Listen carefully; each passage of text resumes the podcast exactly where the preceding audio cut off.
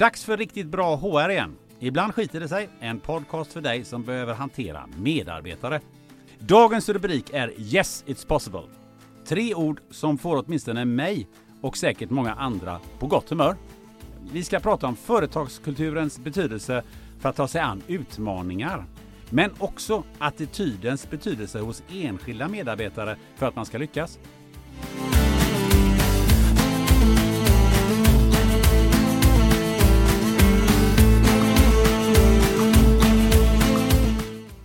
Kort sagt, våga säga yes, it's possible och våga agera därefter. Så den närmaste timmen ska ni få hänga med på en riktigt spännande HR-resa. En bra resa kräver en bra reseledare. Därför har vi som vanligt med oss poddankaret Jakob Bergström från HR On Demand i studion. Välkommen! Stort tack! I centrum för den här resan står Josefin Widegren, Head of People and Culture på logistikföretaget Green Carrier. Välkommen till dig också! Stort tack! Och jag som fått äran att leda det här samtalet heter Gunnar Österreich. Jakob, eh, du har ju faktiskt jobbat som reseledare och är det inte lite så här att som reseledare ser man lite Head of People and Culture? Ja, faktiskt. Och inte tänkt så jättemycket på det, men, men det är ju faktiskt därför som jag en gång i tiden eh, började plugga på P sen och blev personalare. För att jag, jag tyckte det var så roligt att jobba med människor. Plugga på P, det måste du förklara. Ja, P. Eh, programmet för personal och arbetslivsfrågor hette det då. P-linjen förr i världen, det är ju skitlänge sedan nu, 25 år sedan.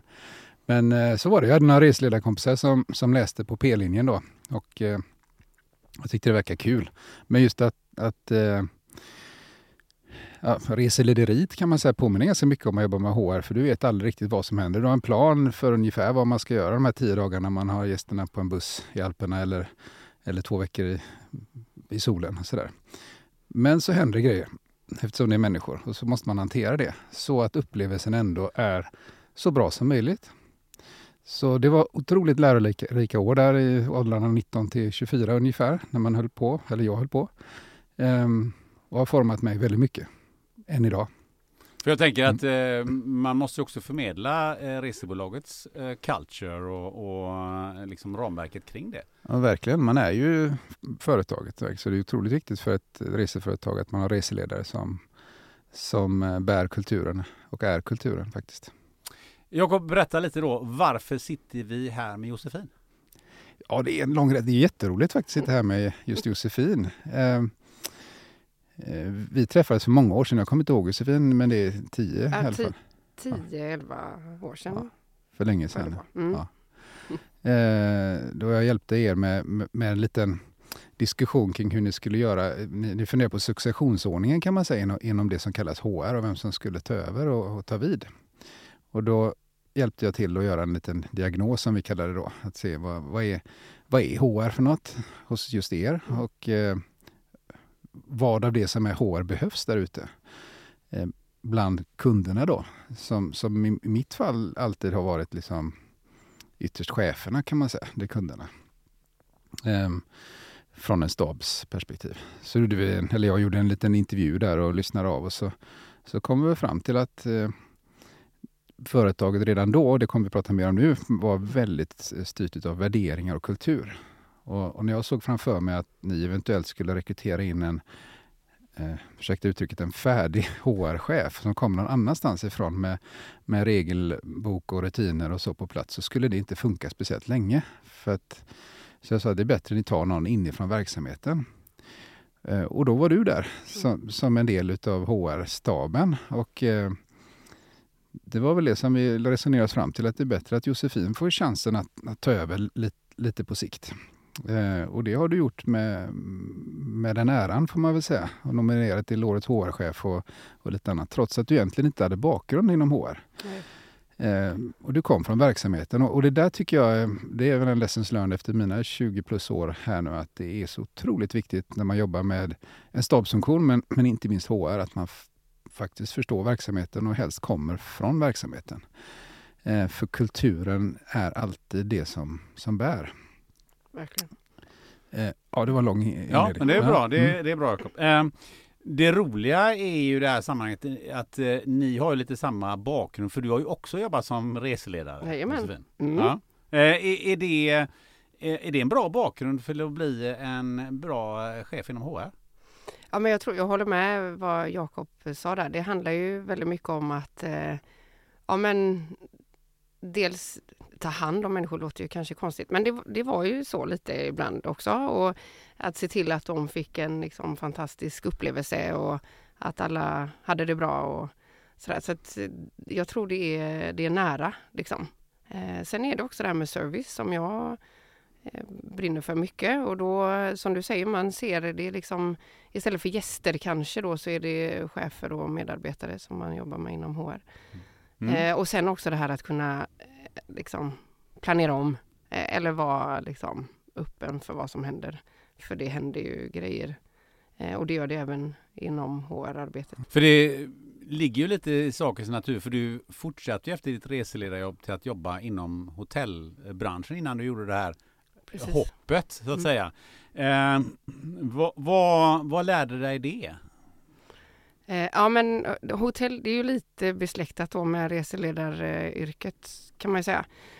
Ehm, det är också det här att vi, man jobbar verkligen som ett team för att se till att gästen får den bästa upplevelsen som de kan få.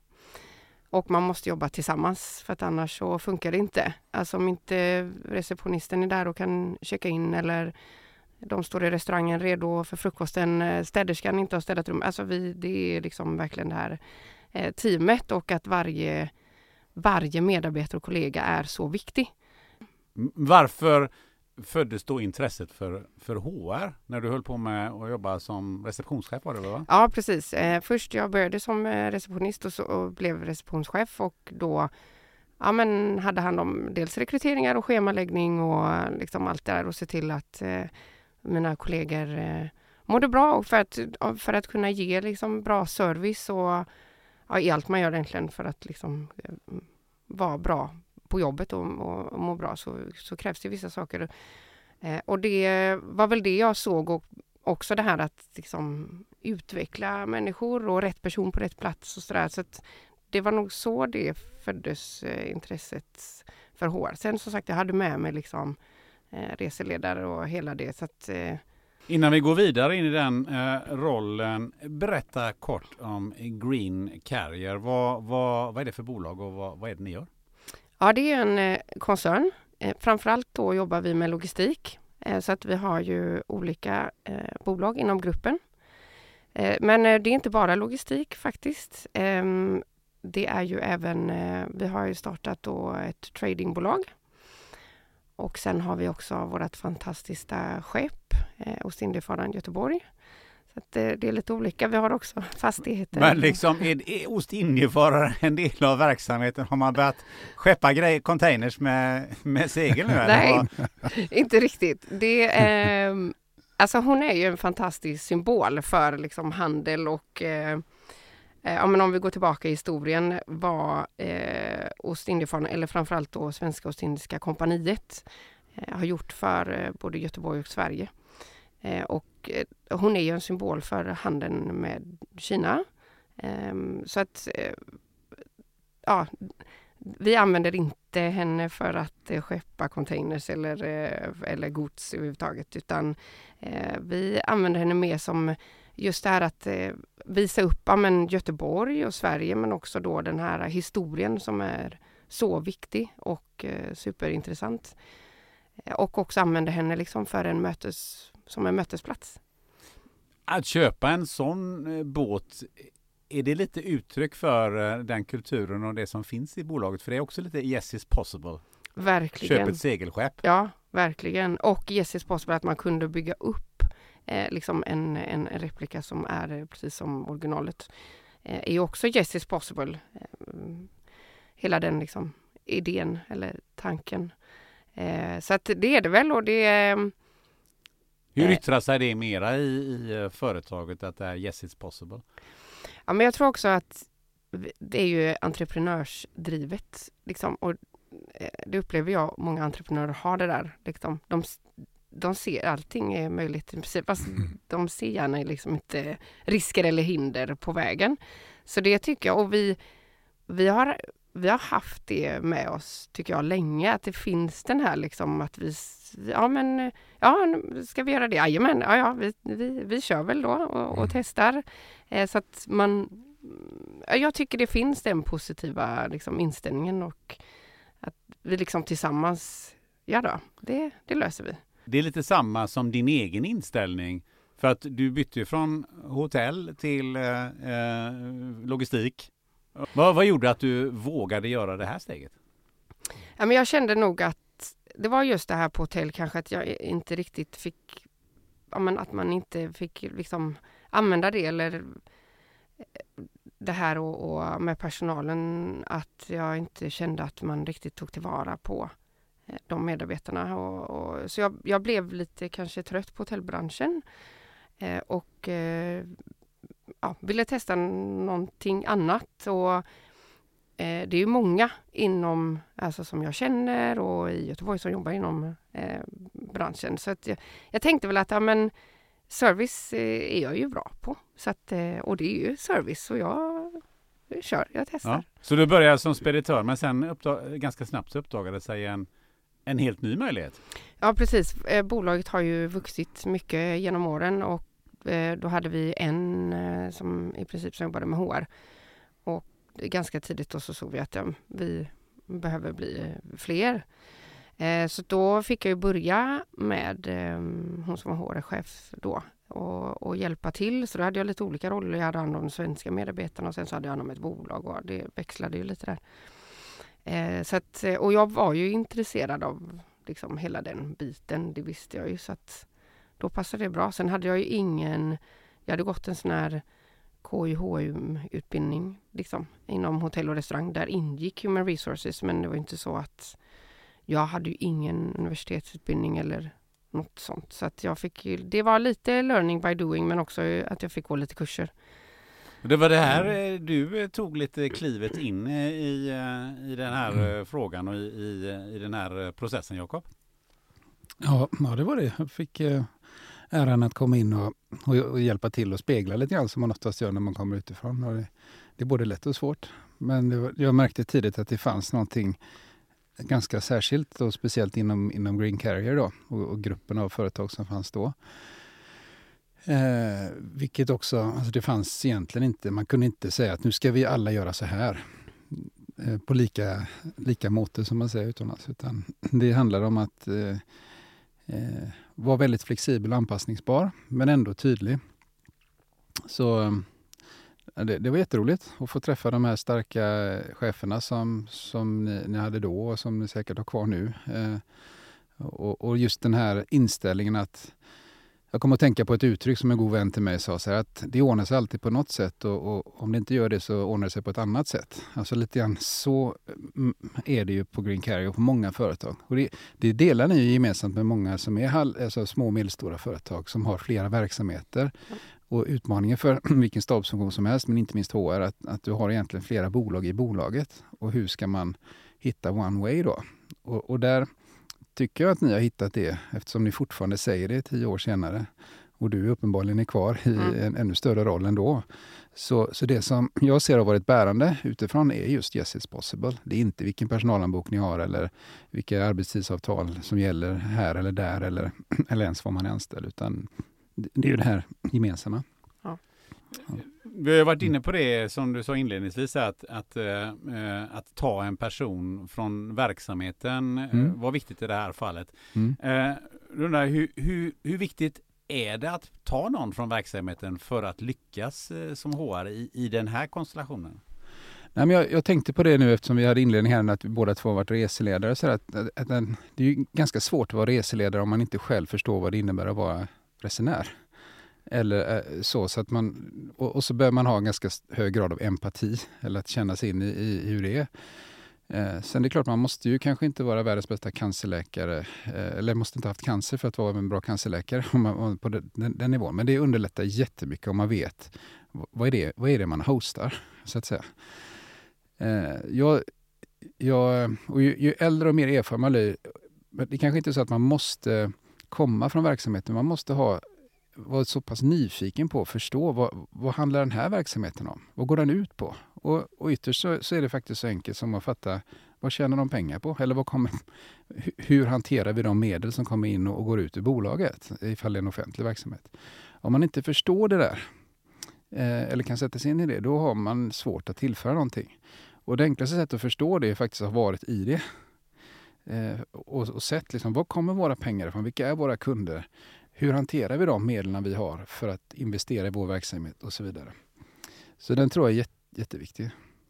Mm. Det var ju ett kliv att ta, eh, Josefin. Hur, hur, vilket, var det, vilket var det största klivet eller vilket var det svåraste?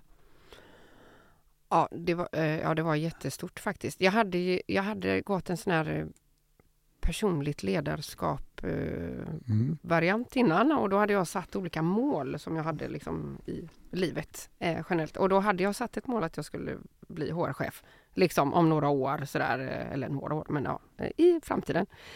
Eh, det kom ju väldigt snabbt då, för tanken var ju när Jakob kom in också att vi skulle rekrytera någon utifrån, hade vi ju tänkt oss. Liksom. Och sen kom vi fram till att det var en, en kultur-HR, tror jag du kallade det för mm. faktiskt.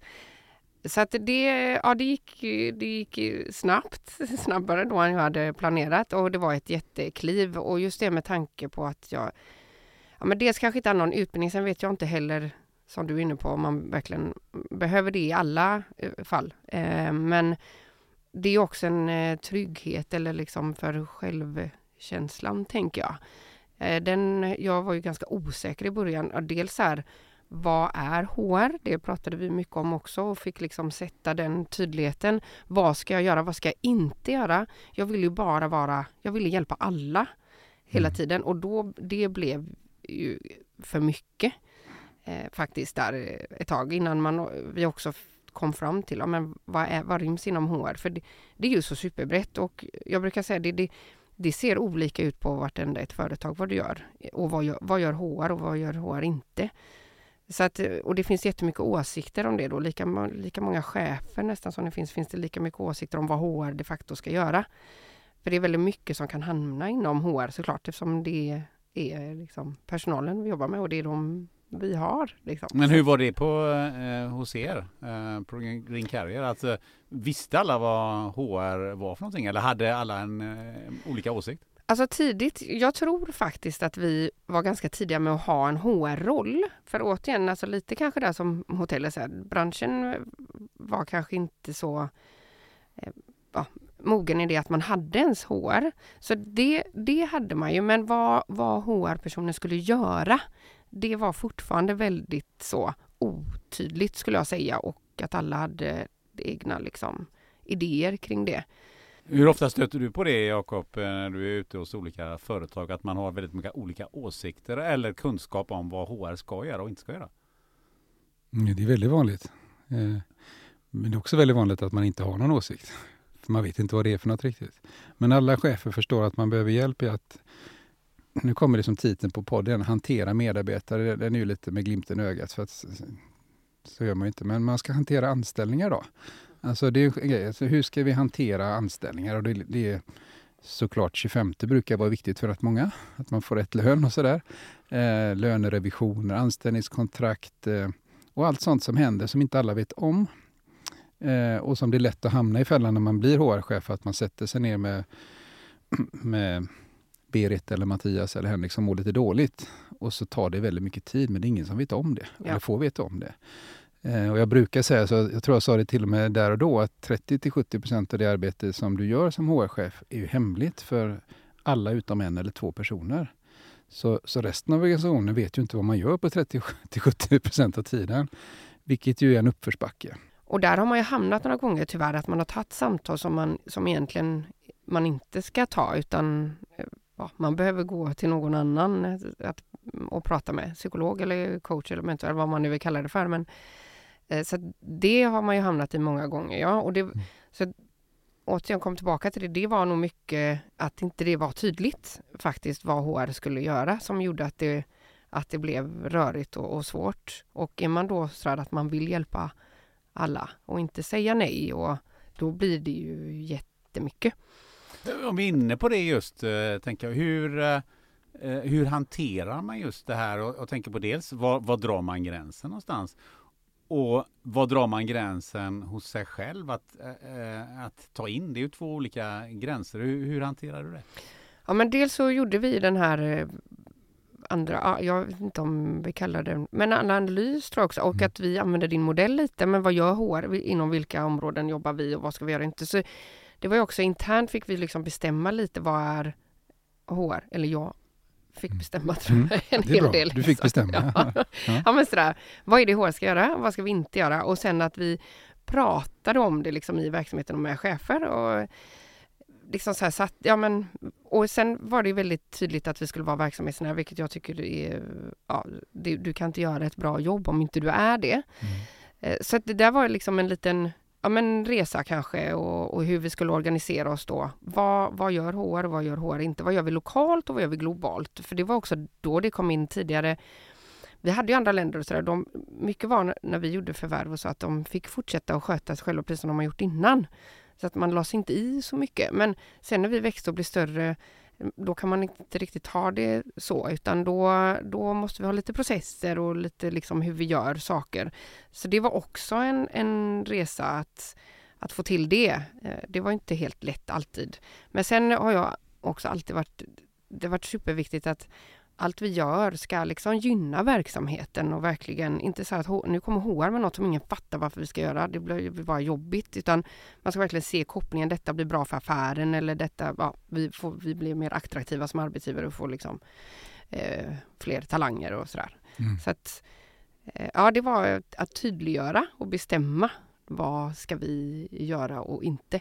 Och, Men hur har du dragit den gränsen hos dig själv?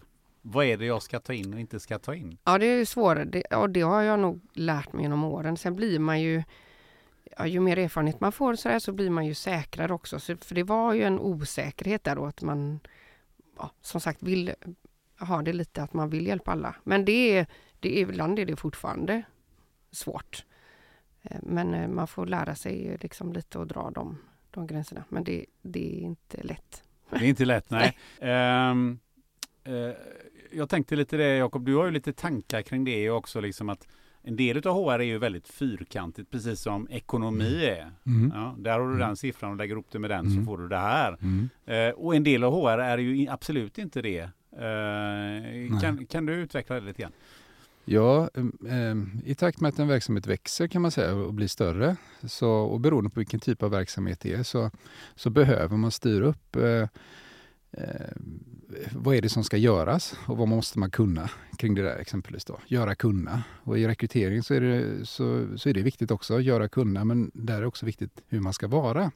Men en ekonomichef eller kvalitetschef eller något annat, ofta kvalitet, om vi pratar om eh, verksamheter som jobbar med kvalitetsledningssystem eller ISO-certifieringen, där är det jätteviktigt att kunna mappa upp vad gör vi i det här företaget? Vem är det som gör det? Vad måste den personen, befattningen kunna och så vidare. Så blir det väldigt formellt och, och, och, och uppstyrt. Det måste vara så. Um,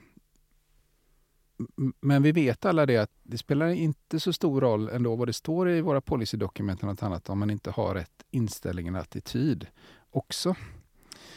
I vissa verksamheter behöver man ha både och. Det hjälper inte att ha bästa attityden om man skiter i vad det står i, i regelverket.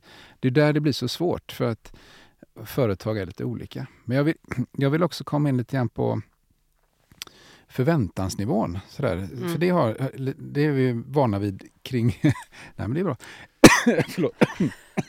från, från reselederiet då, eller att, vet man själv, när man har bokat en resa så är man ju förväntansfull. Vad kommer hända nu? Ja. Hur ska det bli? Liksom. Och så är det liksom, om man sett alla fina broschyrer och så är det jättefina bilder på sol, soliga Gran Canaria om man nu är det. Så, så kommer man ner dit och så är det lite mulet och, och det är överbokat på hotellrummet. Man får bo i annexet eh, liksom i, i byn bredvid för det var fullbokat. Alltså det blir lite jobbigt. Ja. Eh, jag ska inte säga att man ska bäsa förväntningarna men, men, men lite grann den här vetskapen av att, att sätta förväntningarna rätt. Då. Och om förväntningarna är att man ska följa liksom det som står i personalanboken eller våra policies eller vårt ISO-system. känns inte jätteroligt. Men om, om förväntan istället är att här hälsar vi på varandra. Eller vi säger att nu, ja men det fixar vi, det löser vi. Eller ännu bättre så här då. Det var den min största lärdom som reseledare faktiskt, som jag har med mig än idag. När jag fick frågan om, jag stod jag stod vid, i Chamonix faktiskt. Och så fick jag frågan, det var min första resa, fick frågan från, från ett, en, en kille som var äldre än mig då, hur, hög, hur hög är Mont Blanc? Och jag hade ju ingen aning. Jag visste faktiskt inte. Så jag sa det. Du, jag vet faktiskt inte, men jag, jag kollar upp det och återkommer. Det var första dagen, pistvisningen första dagen. Eh, och sen så kollade jag upp det och återkom till honom på afterskin och sa hur högt det var. Nu har jag glömt av, 4852. Jag vet inte. Det får ja. vi ta bort om det är fel, men något sånt där. Eh, när veckan var slut på utvärderingen så sa han det att, att eh, han var jättenöjd och det sällskapet var jättenöjda. Så att jag var den bästa reseledaren de haft och framförallt så uppskattade han att jag inte påstod saker som jag inte hade täckning för. Han hade inte träffat så många andra reseledare som inte, som inte hade påstått saker. Nej. Det har jag med mig än idag. Så att jag brukar liksom inte säga grejer som, som man inte har koll på. Utan jag säger tvärtom, det vet inte jag, men jag återkommer. Eh, men det var många som gjorde det. Alltså många som det, man fick lära sig ja. att ljuga lite när man var reseledare. För att man skulle ju vara eh, polman liksom, eller mm. meteorolog och man mm. skulle kunna växter och man skulle kunna ja. så kolla här, jag har fått ett bett här, vad är det för något? Alltså man skulle vara ganska mycket och då ja. vet jag, man hade ju några kollegor som de bara drog till med något liksom.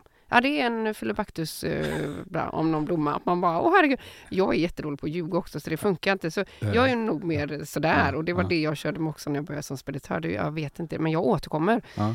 Och det är ju okej, eh, Men man, man, vill gärna svara helst. Men, ja, eh, det, funkar okay. i korta loppet, men ja. till slut blir det liksom avslöjat. Ja. Eh, men tillbaks till göra, kunna, vara då. Mm. Det, det, det är väl det som är det som är viktigast, för, tycker jag, för, som, som den HR, när man jobbar med HR, är att, att eh, följa, lyssna in. Hur är, hur är och mår organisationen just nu? Och hur behöver vi förhålla oss framöver? Mm. Eh, det vill säga, hur behöver vi vara? Och då återkommer jag till att det är så underbart när man hittar en sån här catchline som är eh, i ert fall är det yes it's possible. Eh, I mitt fall är det riktigt bra. Liksom, det, det, är ju liksom en ambitionsnivå. Eh, ska du göra något så kan du väl lika väl göra ordentligt. Ja. Eh, det, det innebär den. Och så lite Göteborgs och lite Glenn Strömberg. Och, mm. Det gjorde han riktigt, riktigt bra. Det kom ju riktigt, riktigt bra grej. Ja. Har inte så jättemycket att göra med, med eh, eh, vad som står i papper eller dokument. Men. Mm. Men. En riktigt, riktigt bra grej. Vad är det för en riktigt, riktigt bra grej med att vara HR-chef? Vad är uppsidan? Oj, det finns många tycker jag. Det, dels det här att det är så brett eh, tycker jag är väldigt roligt. Man får göra olika saker. Man lär sig saker också eh, väldigt ofta tycker jag. Eh, så det är en uppsida och sen just det här att man får, eh, ja men i organisationen där rätt person på rätt plats, att vara med och utveckla. Vi har ju medarbetare som har jobbat jättelänge hos oss och som kanske har gjort olika saker och det tycker jag är så häftigt. Och just att när man ser att det funkar, alltså att det går bra. Jag får tänka, jag tänker på ordet flow som man brukar mm. säga i idrottssammanhang. Är det lite samma sak där? Ja, eller? det tycker jag. Det är, så, det, ja, det är häftigt och det är, det är verkligen när det är en bra dynamik och det är rätt person på rätt plats. Det händer, det händer så mycket och det blir så jäkla bra. Och det tycker jag är kul att vara, och liksom vara med på. Då flyger du nästan hem? Ja, efter jobbet. Ja, precis. Ja. Men det finns ju en nedsida också och vi har touchat vid det. Vad, vad är mm. de tuffaste frågorna inom ditt område? Ja, men lite det som vi har pratat om att eh, förväntningar också, när man inte kanske kan leva upp till det. Eh, och eh, att man vill göra så mycket så att, men man känner inte att tiden riktigt räcker till. Sen är det också såklart när det är, när det är tufft, alltså antingen om man har kollegor som inte mår bra eller eh, vi måste kanske ja, förändra, göra organisationsförändringar som eh, man kanske egentligen inte hade velat, men man måste. Mm, när man inte har flow, mm, eh, finns ja. det någon modell eller finns det ja. någonting sådär, en, en ledstång att hålla sig i och säga att ja, men då jobbar jag så här? För att ja. det är som ja. du har påpekat många gånger att, mm. att vara eh, HR-chef är ju många gånger ett, en, ett ensamt jobb. Du kan inte prata med andra. Att ta det här steget tillbaks då och, och, och utifrån citatet jag nämnde förut, om, ja, det ordnar sig alltid på något sätt. Det är grundinställningen. Och om det inte ordnar sig på något sätt så ordnar det sig på ett annat sätt. Men om man låser sig vid att vi ska göra så här därför att så har vi alltid gjort eller så där. Då man blir tunnelseende, då, då kommer man köra ännu mer fast i det. Så man måste kunna kliva eh, tillbaks lite grann. Och, och, och se på sig själv även om man pratar HR. Så att det här är, okej okay, jag klarar av detta tidigare därför att då hade jag mer bandbredd eller jag, jag eh, visste inte om så mycket som jag vet om idag. Krånglade inte till det. För det är en annan utmaning. Ju mer man vet, ju mer man kan, ju, ju jobbigare blir det. Därför så var jag, jag var ju liksom ganska säker på att det skulle funka med Josefin eh, i, i, kontexten som var där och då. Just för att du inte visste så mycket. för det var ju såklart, när jag titt, gjorde diagnosen där så tänkte jag, shit, vad ska vi börja nu? ja, hade hon vetat så hade hon så hade inte Nej, men lite så är det ju. Så att, och då, och, och tittar man på mina gamla resledarvänner som jag, jag har kontakt med många ännu och det har gått bra för allihop. Och det som var liksom någon slags gemensam sån attityd, attityd, det var så att vi ordnar detta, vi löser det. Det var möjliggörare, det var så att vi fixar det. Och, och att visa att man vill eh, ta ansvar eh, samtidigt som man säger att jag vet inte exakt hur jag ska göra detta, men jag, jag löser det här tillsammans med dig. Mm. Vi, vi löser detta ihop. Det, det ska resledaren också göra. Eh, och så känner resenären då, eller medarbetaren, chefen att vad gött, jag har en ciceron här som, som leder med detta. Som inte måste vara expert eller kunna allt, men jag, jag vet att det är någon som tar lid. Och att vara proaktiv har vi pratat om länge, men inte passiv. Det är väl där som jag tror att, att HR har fått ett ganska negativt rykte rent allmänt. Så därför att man upplever HR-funktionen som passiv. Det behöver inte vara sant, men, men den upplevs som passiv därför att väldigt mycket av det den gör, eller HR-ansvarig gör, är ju hemligt. Det syns inte. Men, men att vara ännu mer proaktiv då är viktigt. Faktiskt. Ja. Mm. Det här som eh, Jakob säger att det, det löser sig inte, löser sig, eller så löser det sig på något annat sätt, eller vad det var du sa. Mm. Eh, det är ju lite det här entreprenöriella sättet att, att, tänka och det är ju den typen av bolag som, som du jobbar i. Eh, men hur är det att vara i din position eh, i, mm, bland alla de här entreprenörerna och, och lite där, ja men det löser sig.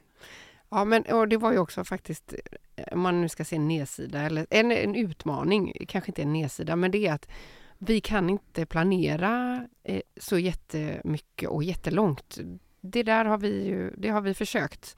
Vi gjorde ett fint så här, ja men års, eh, liksom, jul. års jul eller årskalender. Ja men då ska vi göra en medarbetarundersökning, då ska vi jobba med detta, då ska vi fokusera på våra, ja du vet, vi hade eller det har vi ofta, vi har jättemycket idéer och saker som mm. vi vill göra. Men, eh, och då gjorde vi en fin kalender liksom sådär i början på året. Och sen går det kanske två månader något så, ja nu har vi förvärvat ett bolag som mm. ska in i våran grupp och så får mm. man sätta sig med det. Mm.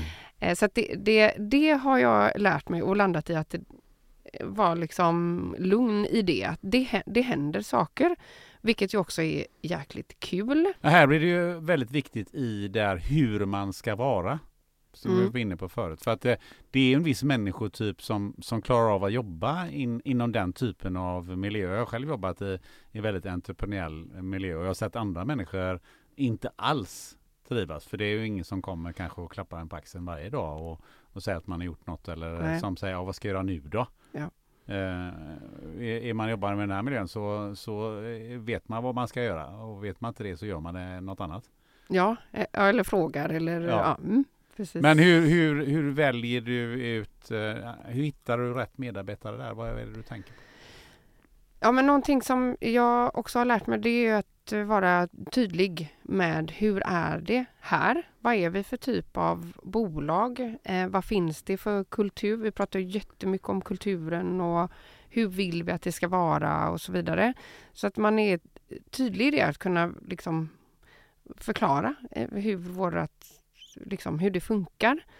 Det är jätteviktigt. Um, så att eh, det, det lägger vi ganska mycket tid på och då vara transparent så att inte man liksom målar upp en bild som inte stämmer med verkligheten. Därför är det också väldigt viktigt att vi pratar om kulturen så ofta och så mycket och på alla ställen för att vi, är det verkligen så som vi tror att det är? Eller är det något annat?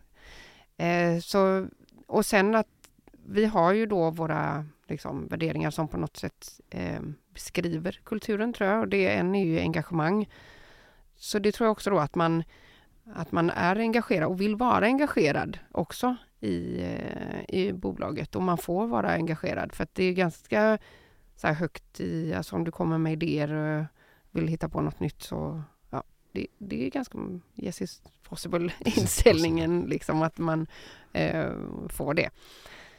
Så det tror jag att man, eh, och delaktighet är en annan och det, det är ju närbesläktat engagerad att Eh, man vill vara delaktig och man får också vara delaktig. Eh, så att eh, det tror jag är, är viktigt och just det här att det är på ett sätt nu men det är inte säkert att det är så exakt om ett år. Sen är det inte att vi håller på att ändra grejer för ändrandets skull men det är bara att hur vi ser ut och kanske vi organiserar, det har vi också ändrat en hel del under åren. Vi har växt och här för två år sedan sålde vi ett bolag. Då fick vi organisera om oss på ett annat sätt. Och sen kanske att det inte finns en, en person för varje grej utan man, ibland får man göra lite annat som kanske inte riktigt ryms i den där äh, arbetsbeskrivningen äh, som man har utan det, det kan komma att ändras också. Så, så det tror jag är viktigt. Vi har det riktigt, riktigt bra och det är gött och det är flow och det är yes is possible. Men någon gång så skiter det sig väl också? Ja. Har du några exempel på det? Ja, absolut. Eh, man kan ju se och lära sig av sina egna såklart misstag som man har gjort. Men, eh, och det är ju kanske det här eh, i början tror jag mycket, kanske gå in i samtal som man inte ska gå in i eller hålla i något, alltså tro att man är någon form av eh, coach, mentor och det inte alls blir bra. Tanken med samtalet var något helt och så, ja, mm. det blev inte alls bra. Så, mm. Sånt har man ju fått lära sig. Eh, och sen, vi har gjort mycket förvärv Eh, genom åren. Eh, och där har det skitit sig ibland för att man inte har gjort en ordentlig due diligence. Det fick jag lära från, från Jakob, att eh, liksom en HR due diligence, alltså man tittar oftast väldigt bara på siffror och hur mycket volym är det och vad tjänar de och sådär. Men man tittar inte in liksom riktigt eh, in, in i organisationen. Vad har man för kultur här? Vad är viktigt här? Vad, ja, chefer och så vidare. Så då har det skitit sig ibland för att det blir en sån kulturkrock. Hur yttrar det sig, en sån kulturkrock? Vad händer då? Eh, ja, men dels att eh, människor då slutar och det är oftast eh, är det ju viktigt. Alltid är de viktiga personerna som jobbar och är mycket, liksom en väldigt stor del av affären och verksamheten. Och slutar de så, så försvinner också kunder och så vidare. Så det har ju hänt eh, såklart. Ehm, och sen att det kanske sprids en, en, ja, en dålig stämning. Ehm, det har vi också sett när de bolagen vi har köpt där liksom säljarna är helt med och gillar oss och, och liksom pratar bra om, om Grekarier då blir det ju superbra. Men i ett annat fall där det kanske finns chefer som inte alls tycker att det var en bra idé och inte alls vill vara med på det. Då sprids det ju då och då blir det inte bra. Det känns ju som att eh, ja, en sak att leta efter siffror och hur många containers det transporteras hit och dit eller volymer och så Exakt. vidare. Men den här HR due diligence eh, känns ju som eh, ännu viktigare för skiter det sig där så eh, skiter det sig på riktigt. Exakt. Jakob, har du någon idé om hur gör man en HR due diligence? Ja, ja, absolut. Det gör ju vi. Ja. så det har jag ju såklart. Men man, eh, hardcore kan man säga att man ska titta igenom saker som, som har med, med göra kunna-faserna då. Så vem gör vad? vad kan de? Kompetensnivåer och hur är de organiserade? Och också lite grann då, om man köper ett bolag eller funderar på att köpa ett bolag, titta igenom, har de beskrivningar för hur de gör saker och ting? Ehm, eh, är de vana vid att saker och ting bara flyter på och funkar? Till, till exempel du är chef i, i bolag B som ska köpas och, och, och det bolaget har liksom stöd för, för allting som har med personalfrågor att göra. Eller de är vana vid att det finns en HR-funktion som hanterar saker och så man, blir man köpt av ett bolag där inte det finns och chefen behöver göra det själv. Va, ska jag sitta och göra detta? Alltså då blir det lite jobbigt. Um, men att intervjua nyckelpersoner, är, det för att, att göra en, en management audit? Det, det, är många som gör det, men det bör man göra. Alltså djupintervju med chefer och nyckelpersoner. Eh, kanske också passa på att kolla igenom potentialen då i, i management audit. Att eh, man ser de här cheferna som vi, vi köper i bolaget, men människorna kommer ju med. Vad har de för potential på sikt? Eh, hur ser successionsanordningen ut ifall de slutar? För det kommer de göra, några av dem. Mm. Vad har vi för beredskap hos oss, att gå in och, och täcka upp för det där. Vad finns det för andra personer som förmodligen, för så här finns det alltid, eh, det finns alltid duktiga människor som inte har nyckelpositioner i alla sammanhang, eh, som kan kliva fram om någon slutar. Så man gör den kartläggningen helt enkelt på, på eh, vilka är människorna bakom och eh, hur är de? Eh, när man jobbar med rekrytering till exempel så, och personbedömning som vi också gör, då, då mappar vi ofta upp eh, det som kallas för prestationsfrämjare eller kulturella. Alltså mm. Vilken slags miljö trivs den här kandidaten i? Och så, så kommer det lite magiskt ut beroende på vilket instrument man använder. Och så kan man mappa det mot hur, hur vi har det hos oss. Och och det har faktiskt hänt att, att eh, man ser att den här kandidaten kommer inte trivas i den här miljön för att det står här att kandidaten trivs bra när det är ordning och reda och, och man vet eh, med god framförhållning vad som kommer hända och det är tydligt att man ska läsa på och, och liksom basera beslut på fakta exempelvis. Det är en sån beskrivning som kan vara prestationsfrämjare. Kommer man då in i en miljö som Green Carrier som vars styrka är att, att, att lösa saker när de uppstår. Um, logistik per, per, default kan man säga. Det, det, det är ju någorlunda cykliskt men det är också så att det ringer in en kund och säger nu behöver vi ha, eller nu fastnar något himla bolag i, i Suezkanalen, eller inte bolag utan ett skepp i Suezkanalen. Det vet ju ni vad som händer då. Ja. Lite jobbigt läge, det gick inte att förbereda sig för det. Vad, hur ska man lösa det? Det står inte någon manual, det står liksom inte, det, det har inte hänt förut. Ingen trodde det skulle hända. Eh, men det, det det tjockar upp ganska mycket. Det blir brist på containrar i en världsdel för alla råkar vara en annan. och så vad, vad gör man då? Väldigt mycket som inte är nedskrivet, som måste bara kunna hanteras. Det är lite mm. reseledarkänsla över det också? Väldigt mycket så. Mm. Alltså, och jag tycker den bilden från eh, ni var ju ganska nära kopplade till, till den incidenten på ett sätt då kan man säga i Suezkanalen. Ja, ja, det var ju Evergreen som vi är agenter för. Så att det, ja. Jag tycker också underbar, första, en av de första bilderna som kom fram, det var någon egyptisk eh, grävmaskinist som, ja. som, körde fram en grävskopa. Han försökte lösa uppgiften men, men eh, ibland räcker ju inte viljan, utan man måste ha resurserna. Och det är väl det som flow kommer in i, och då, som gör den så bra. I all enkelhet så är ju flow matchningen mellan utmaningen man står inför och den förmåga man har som individ, men också som organisation. Ja. Så att om man då som, som eh, som, som ledning eller styrelse eller ägare säger, sätter ribban lite för högt. Det här är, detta ska vi göra nu. Och så, och så har organisationen inte den förmågan.